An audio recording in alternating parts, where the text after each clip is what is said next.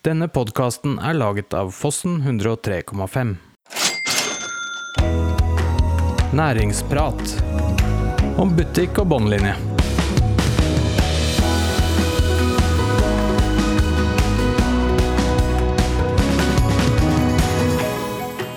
Dagens episode så får vi besøk av Jørgen Mo, som har blitt daglig leder i Ringerike næringsforening. Ja, Åssen blir det å få eh, sjefen på besøk? Det blir jo som å ha en medarbeidersamtale.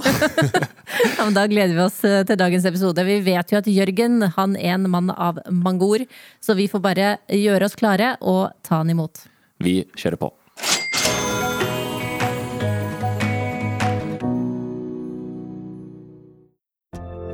Visste du at annonser i podkaster er tre ganger mer effektive enn i TV-serier? Podkaster har ofte lojale lyttere. Nå kan også du annonsere hos Fossen 103,5. Vi har meget konkurransedyktige priser. Sjekk episodebeskrivelsen. Der finner du en e-post du kan sende dine spørsmål til. Alternativt kan du ta en titt på nettsiden fossen1035.tv. Alle har en psykisk helse. Gir din psykiske helse deg utfordringer i hverdagen? Fontenehuset Hønefoss kan tilby en arbeidsplass hvor du er ønsket, verdifull og får brukt dine ressurser. Vi hjelper deg videre til jobb, studier og aktiv samfunnsdeltagelse. Du trenger ingen henvisning eller å fylle ut en søknad. Send oss en e-post, ring eller møt opp på døra, så gir vi deg en omvisning for å se om vårt tilbud er noe for deg. Fontenehuset Hønefoss finner du også på fontenehuset.com.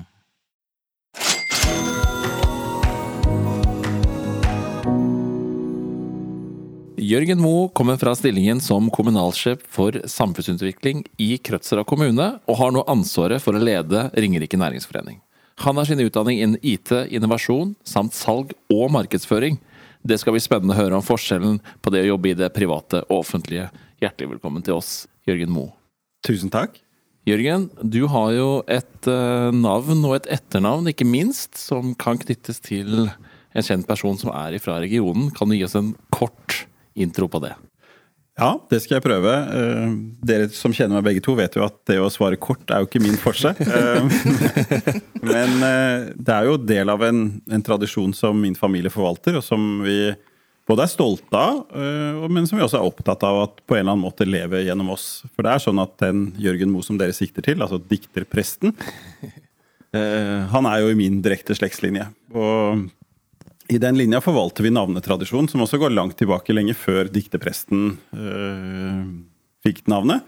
Så øh, min sønn heter også Jørgen, og det samme gjør min far og min farfar. Så sånn har det vært i, i 13 slektsledd. Da har vi eh, låst den historien. Utrolig sånn enkelt. er det. Jeg skulle Ja. ønske at jeg hadde et sånt slektsnavn som gjorde at jeg bare alle heter det samme. Vi må jo, Jeg har lyst til å gå tilbake til den introen om deg, for du, har jo, du kommer jo fra en stilling i eh, kommune. mm. Og jobber nå i det private. Eh, Hva er den største forskjellen der, Jørgen? Eh, ja, det er, eh, det er jo ikke noe enkelt spørsmål å svare på. Eh, for det første så tror jeg det er, eh, det er vanlig å stille det spørsmålet til de av oss som har den type erfaring og har, har veksla mellom sektorene, eh, i den tro at det er veldig store forskjeller. Mm. og så er det kanskje ikke det. Men eh, eh, hvis jeg skulle trekke fram én ting, så er det sånn at det grunnlaget vi driver på i privat næringsliv, det skaper vi uh, sjøl. Mens du i forvaltninga blir tildelt en ramme. Så du forvalter altså en ramme, en, en inntekt, som er skapt før du bruker den. Eh, Så det gjør at dynamikken i offentlig sektor eh, blir annen enn den vi, vi som da eh, i næringslivet tjener de pengene vi bruker før vi kan gjøre noe. Hvordan er eh, altså det å komme inn i nå i næringsforeningen? Nå har du vært der eh, i en måned. Hvordan føles det, Jørgen? Du, eh, hvis jeg skal svare på det spørsmålet, så må jeg nok eh, eh, si litt om, om hvordan jeg på en måte havna der også. Ja. Fordi som kanskje flere av lytterne vet, så er jo dette for meg litt som å komme tilbake. For noen år siden så ledet jeg det regionale utviklingsselskapet for Ringeriksregionen. Da jeg slutta med det, så tenkte jeg nok at eh, tida mi på Ringerike var litt sånn over. Ikke fordi jeg følte at det på noen som helst måte var feil, men jeg er opptatt av å slippe til nye krefter, og, og syns av det så kommer det en naturlig dynamikk. Eh, så jeg var litt sånn Jeg var ikke helt innstilt på at jeg skulle tilbake til det. Eh, men da den muligheten på en måte dukka opp, og, og, stadig flere spurte meg om, om ikke det skulle være min gjeninntreden til Ringerike, eh, så begynte jeg å skape noen Jeg begynte å se både noen muligheter og det begynte å skape noen forventninger. Så da jeg satt i stolen 2.2, så føltes det veldig som å komme hjem. Det var en veldig god følelse, og jeg syns jeg ble tatt imot på en fabelaktig måte. Eh, og jeg har fått lov til å kjenne på at eh, ja, jeg var jo ikke ferdig allikevel, da, hvis det var det jeg trodde. Så det er veldig veldig morsomt å være tilbake. Takknemlig for den muligheten. Ja. Mm. Du kom jo inn i næringsforening som, eh, som, har vært gående i mange, mange år. Hva tenker du om din lederstil kontra ja, Hvordan leder du? Hvordan tenker du at du skal lede næringsforeningen? Ja, er det her medarbeidersamtalen starter, Kristian? For de som ikke vet det, så jobber Jørgen og jeg da sammen. Du har sjefen på besøk. Det er helt riktig. Ja. Jeg har også et sånt typisk spørsmål som, som ledere får. Eh, det, det, det, ligger et stort ansvar i, i ledelse. Eh, og jeg tror kanskje da det er ansvarsdimensjonen jeg er mest opptatt av, og som preger min lederstil. Eh, jeg prøver alltid å være tydelig på det, at jeg har det fulle og hele ansvaret. Og det betyr at jeg tar ansvar for, for alle de feil som begås under min ledelse. Eh, det skaper ofte en trygghet i organisasjonen, som igjen gir en helt annen dynamikk enn en kultur prega av større frykt, da, som kan komme fram med andre ledelsesprinsipper. Så jeg er opptatt av å skape trygghet under min ledelse. rom for å gjøre feil. har du den tryggheten, så gjør du vesentlig mer enn når du frykter for å gjøre feil. Jeg synes Det er så fint det du sier der, fordi det å, å tørre å gjøre feil, eh, det skaper jo også både læring, men også det at du er på vei et sted uansett. Da. Det veit jeg du er opptatt av. Ja, jeg er veldig opptatt av det. Eh, når dere muligens stiller spørsmål om, liksom, om karrieren min, så jeg har jo tenkt på det sjøl, for jeg har jo ikke noe sånn, det er jo ikke noe rett linje i min karriere. Jeg har vært i alle sektorer. Eh, jeg har vært i veldig mange bransjer. Jobba på ulike nivåer. Og det er bare én ting som jeg finner som en rød tråd, og det er utvikling. Og det gjelder også forvaltningsdelen, der hvor mange tenker at når du forvalter noe, så står du stille. Eh, det gjør man absolutt ikke. Kommunene er også i kontinuerlig utvikling. Eh, så det er nok det som, som driver meg. Og det betyr jo også at hvis vi skal gjøre noe helt nytt, så er sannsynligheten for at vi gjør en feil, større enn om vi bare bruker dreieboka og gjør som vi alltid har gjort. Og Det er jo igjen da sånn, sånn mantra, og dette kommer du til å høre på kontoret mange ganger, Christian. For den enkleste måten å ikke begå noen feil på, hva er det? Å ikke gjøre noe. Å ikke gjøre noen ting. Mm. Og så skal vi jo selvfølgelig, som, som, dere også sier, vi skal lære av feilene. Vi skal prøve å ikke gjøre de samme to ganger. Eh, men hvis vi ikke gjør noe feil, så står vi stille. Og det skal vi ikke gjøre. Verken i næringslivet eller i næringsforeninga. Det er godt å høre. Og jeg ser jo at dere står ikke stille. Eh, jeg legger jo merke til at dere de siste ukene har hatt et eh, ras med nye medlemmer. Hvordan jobber dere med medlemsverving, hvem er det som kan være medlem i næringsforeningen? Altså, I Ringerike næringsforening så uh, kan alle være medlemmer. Uh, og så uh, Det betyr at vi også har åpning for private medlemskap. Men vi er jo en interesseorganisasjon for næringslivet. og Det betyr at det er verdiskapningen i privat sektor som er primærinteressa til foreningen å fremme og jobbe for. Men siden vi sitter her tre representanter fra et økosystem som har ulike roller i, i det arbeidet, så er det selvfølgelig også åpninger for organisasjoner som ikke har tradisjonell direkte verdiskaping å være medlemmer. Noen av de medlemmene vi har sett de siste dagene, kommer jo fra frivillig sektor og, og, og idretten. Og det er jo selskap eller virksomhet som, som, jo ikke genererer overskudd, som er medlemseide. Så det er også, også, rom for de.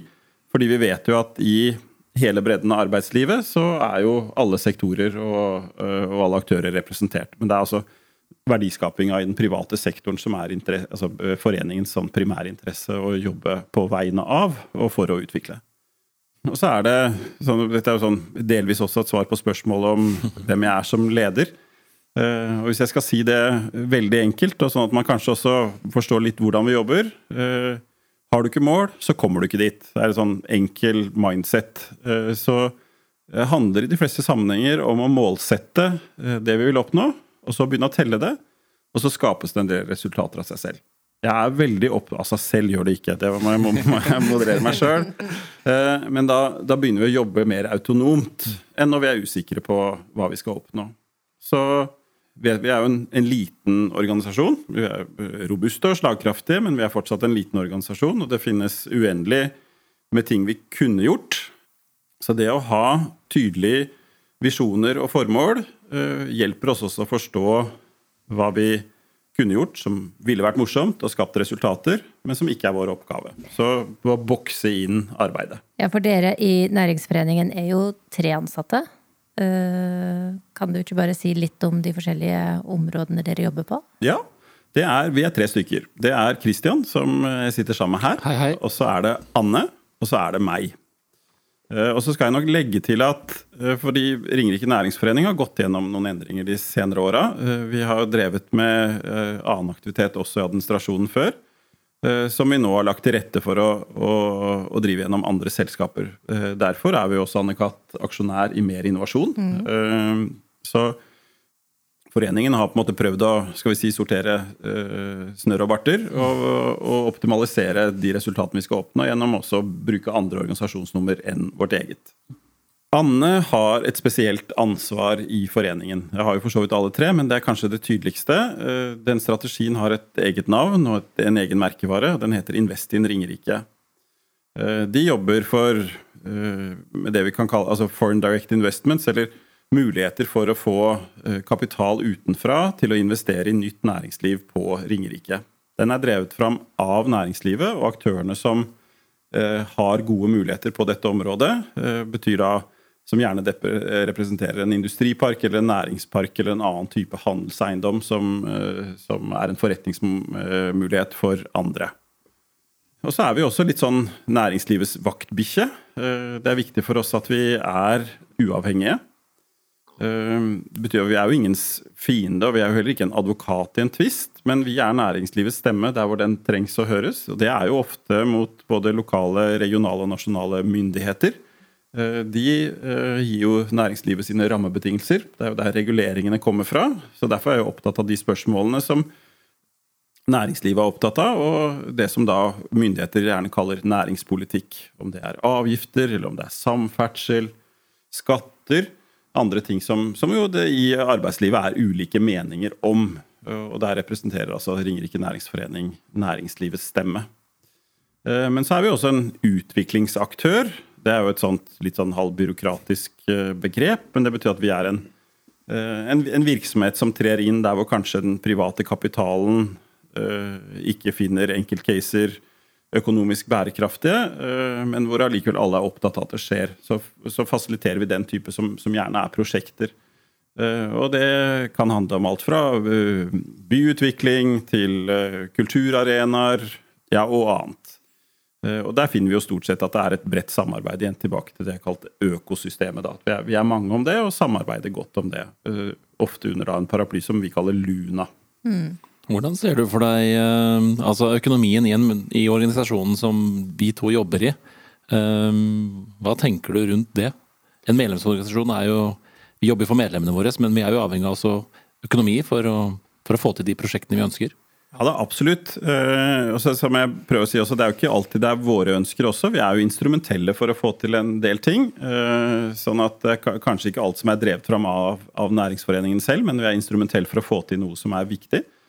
Jeg sa jo dette med at vi, uh, vi mener at det er viktig at foreningen er uavhengig.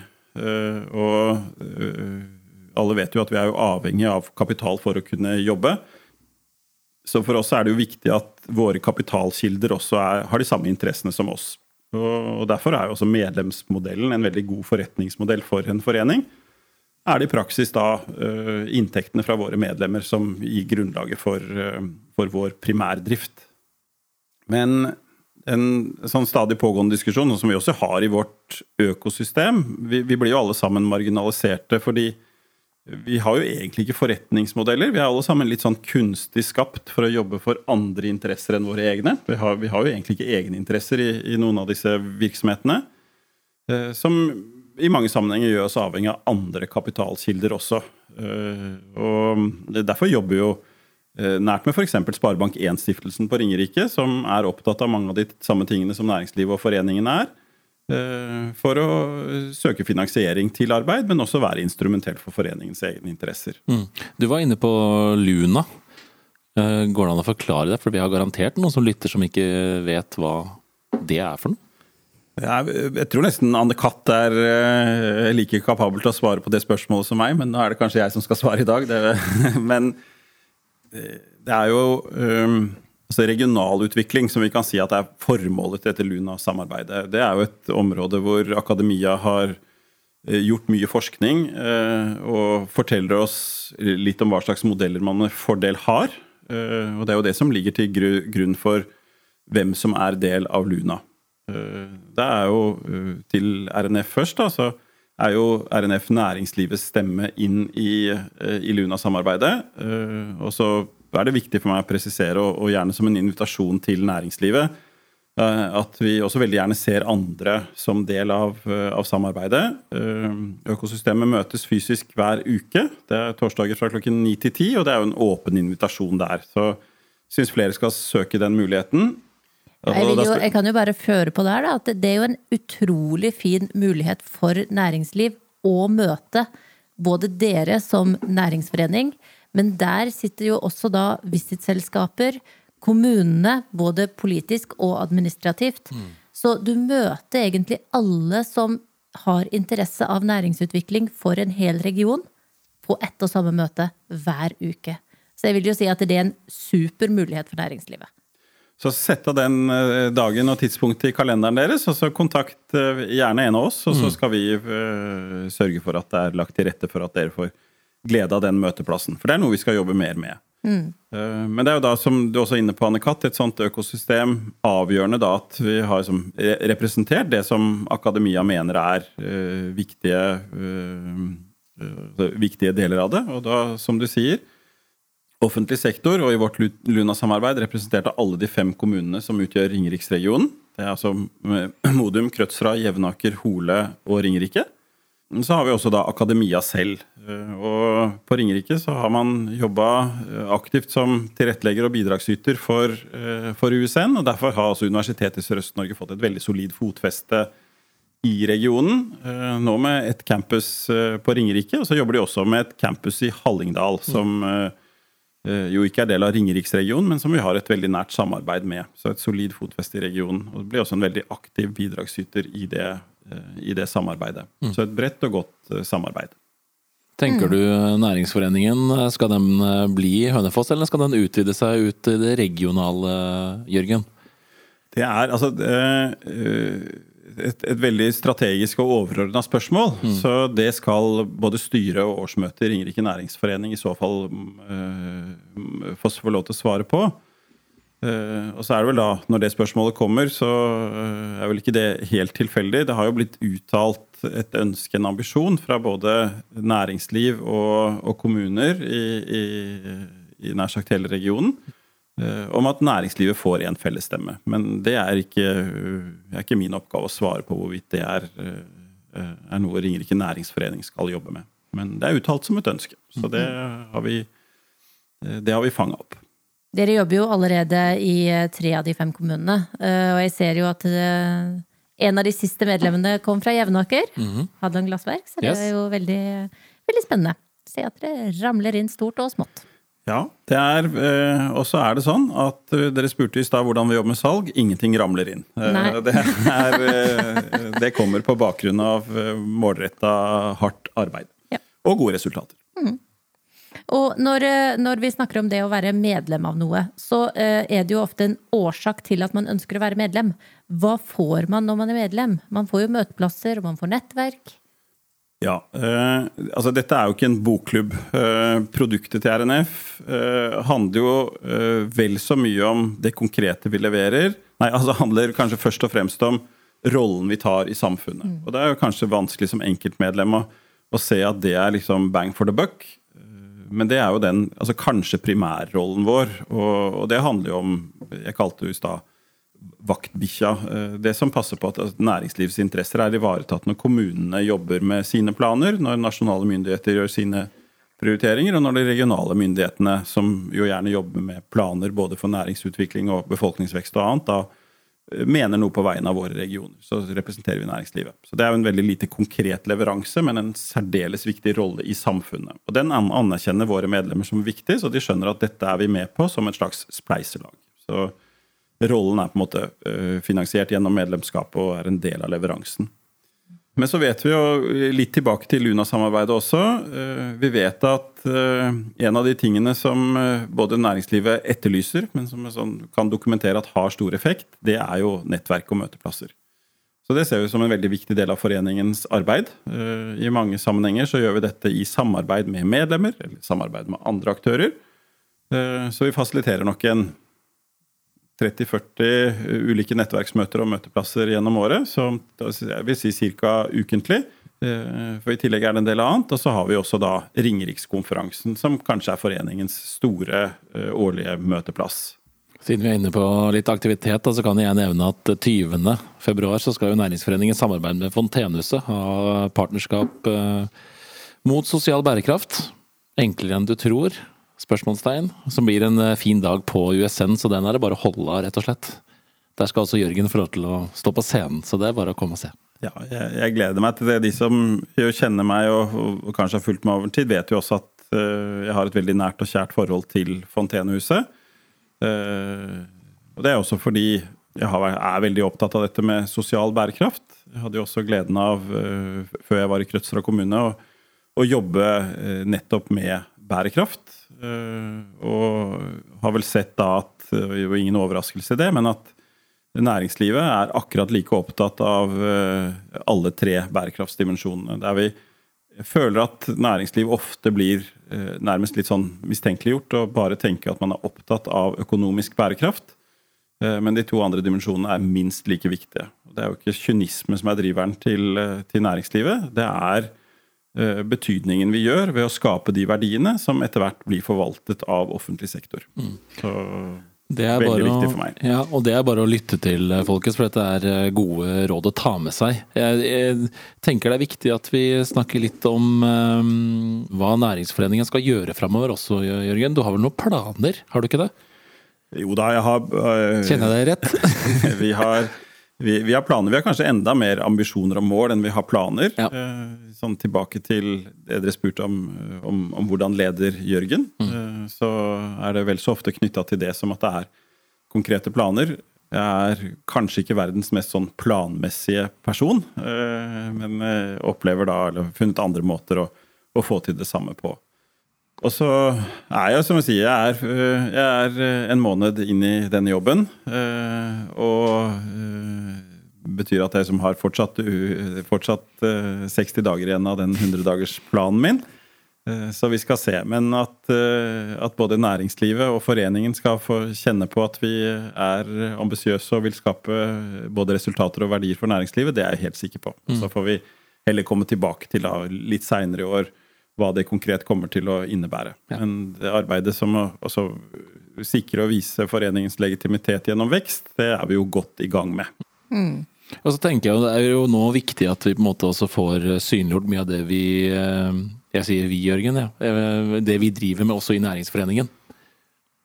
Det er fint at du sier vi, for det er, øh, får jeg jo lov til å snakke mye om meg, da. Men øh, det er sånn, en annen ting jeg er veldig, veldig opptatt av. øh, og det har noe med at jeg har fått lov til å kjenne på gjennom min reise at det å ikke være del av et vi er et veldig dårlig utgangspunkt for å skape noen ting. Så det å liksom samle laget og utvikle laget er veldig, veldig viktig. Så vi-et er avgjørende for at jeg lykkes. men jeg er også overbevist om at det er måten å, å, at vi alle lykkes på. Så det har vi jobba mye med, og det skal vi fortsette med. Og vi skal gjøre VIA også større. Og så har jo jeg, øh, som dere sa, jeg har jo marketingbakgrunn, jobbet mye med kommunikasjon. Øh, så det er også selvfølgelig naturlig at vi tar tak i noen av de mulighetene det gir. Så vi har jo jobba for, for, å gi foreningen synlighet. Øh, fordi det er viktig for medlemmene våre at vi er en markant og tydelig stemme. Og det forutsetter jo at vi har en viss kjennskap til hvem vi er, da, før, mm. før vi får den legitimiteten. Mm vi har.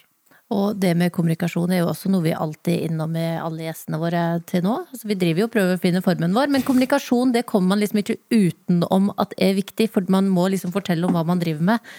Dere har jo noen plattformer.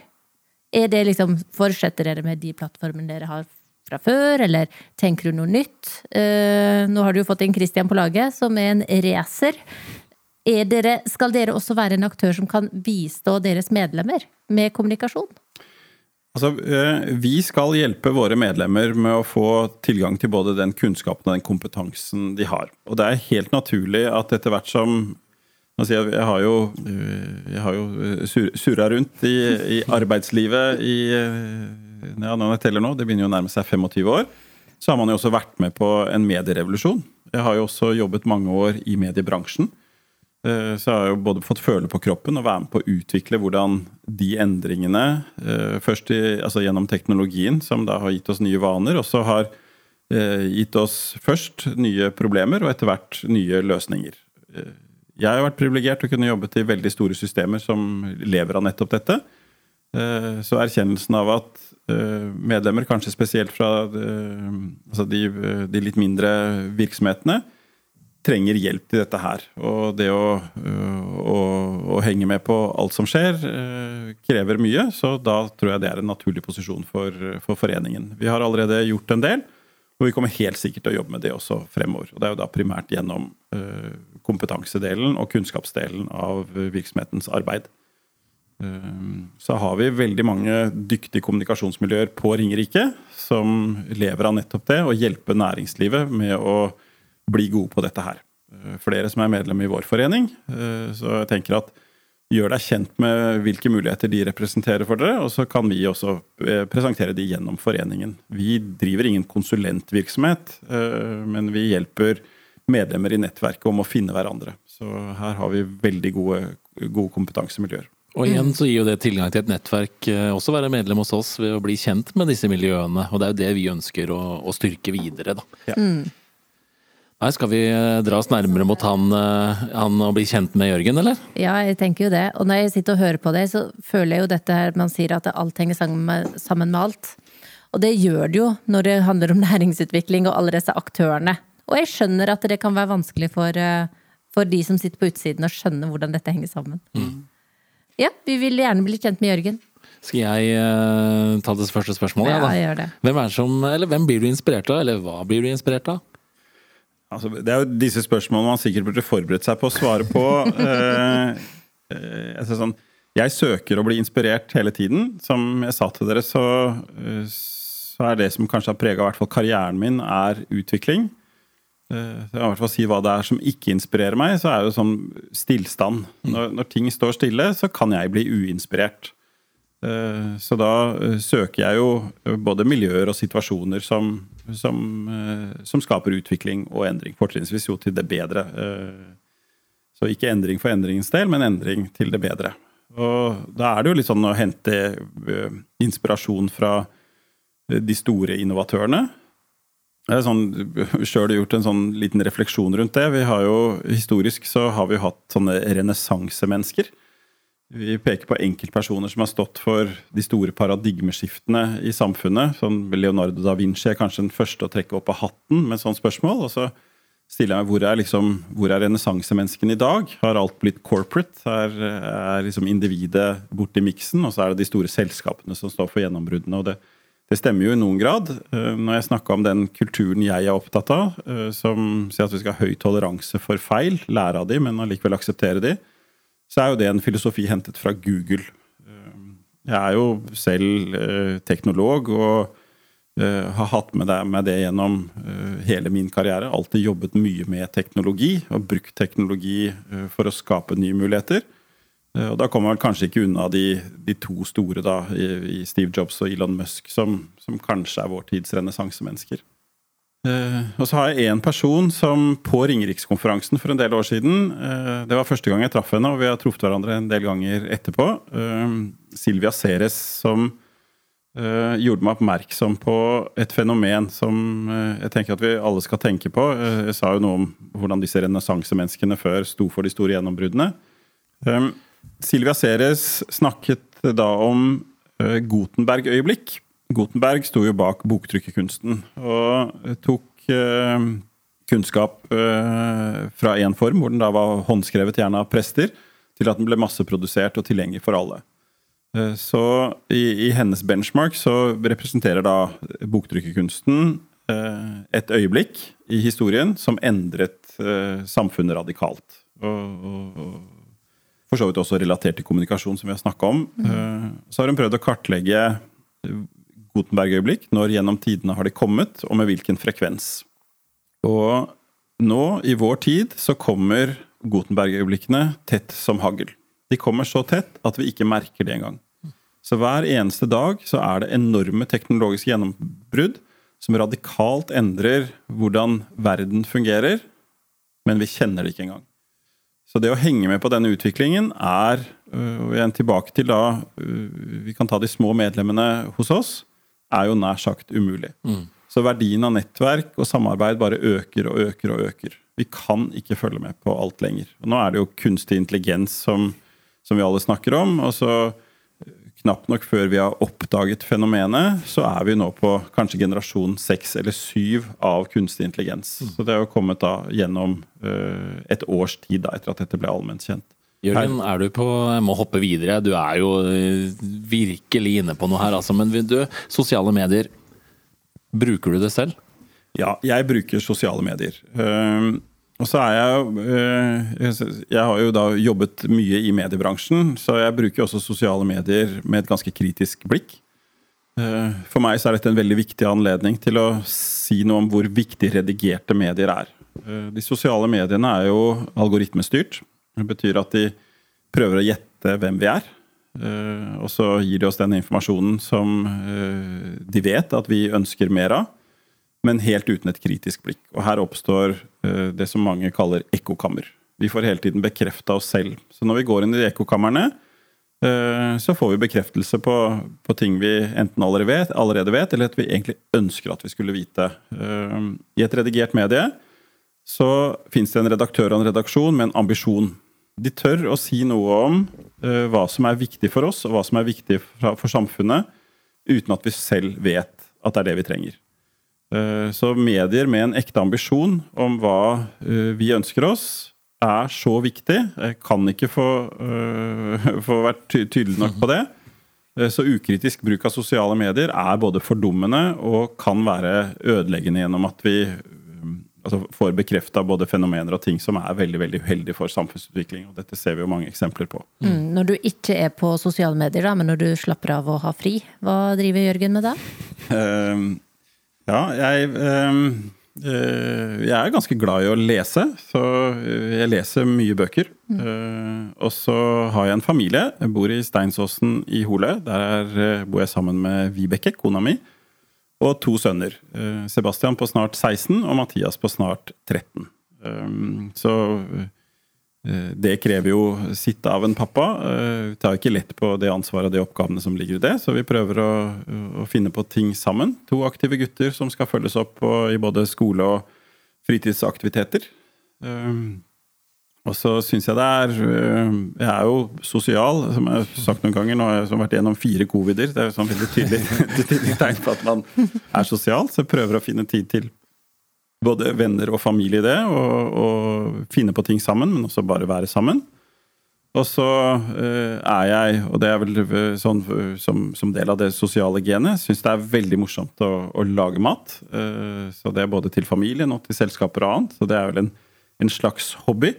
Eh, Veldig inspirert av Jonas, som også sitter her i studio, som deler litt den samme lidenskapen. Jeg er nok ikke like kompetent som han, men da er det jo fint å ha en inspirator. Så eh, Jonas deler jo også ganske flittig på sosiale medier et eller annet, og, og har gjerne nærmest en liten quiz på hva det er all verden er han driver med. Så jeg syns det er veldig morsomt å følge Jonas sin quiz, og det kan flere av dere gjøre. Du hører jo Jonas Nei, Jonas jeg, Jørgen nevner jo som en inspirasjon vår kjære Jonas Gytefelt her. Ja. Det er, det er fint, altså. Og eh, Jørgen, eh, du er jo aktiv og har vært med på mye, men eh, hvordan får folk kontakt med deg? Ja, det er tror jeg kan si at det er stort sett lett å få tak i meg. Jeg er jo opptatt, farter mye rundt, men jeg prøver å kompensere med det og si at dere kan stort sett ringe når som helst. Hvis jeg mot formodning ikke tar telefonen, så skal jeg ringe deg tilbake. Så ring meg gjerne på 930 33907. Og så har jeg jo e-postadressen min eh, i Ringerike næringsforening, som er jorgen.alfakrøll.rnf.no. Eh, og så finner dere oss jo i sosiale medier eh, og i de mer tradisjonelle mediene. Nettsiden til RNF er rnf.no. Det er første som har lagt ut telefonnummer og e-post. Jeg syns det er spenstig. Han, eh, han, er, han er ikke redd for kontakt. Nei, nei, nei. Ikke i det hele tatt. Er det noe du har lyst til liksom sånn helt avslutningsvis Nå sitter det folk og hører på som er potensielt eh, nye medlemmer i RNF. Har du en liten oppfordring å komme med på tampen? Ja, altså, eh, alle som tror de kan ha nytte av eh, nettverk, som vi har snakket om, som tror at det er verdt å investere i en viktig stemme for næringslivet, og som er opptatt av utvikling i regionen, ta kontakt med oss, og så skal vi fortelle deg mer om hva vi kan både tilby deg, og hva vi skal gjøre på dine vegne. Så er jeg helt sikker på at vi skal skape verdier for din virksomhet og din bedrift og dine ansatte. Tusen hjertelig takk for at du ville komme på besøk til oss. Veldig hyggelig. Tusen takk for invitasjonen. Og så gleder jeg meg for å komme tilbake og så skal jeg fortelle litt mer om de tingene som jeg ikke kunne si så mye om i dag. Det blir spennende. Vi ses. Takk skal dere ha.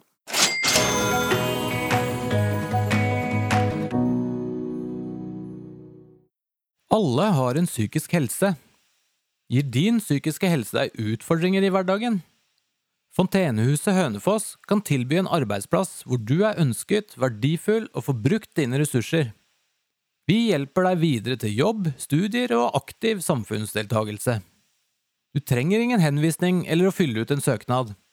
Send oss en e-post, ring eller møt opp på døra, så gir vi deg en omvisning for å se om vårt tilbud er noe for deg. Fontenehuset Hønefoss finner du også på fontenehuset.com.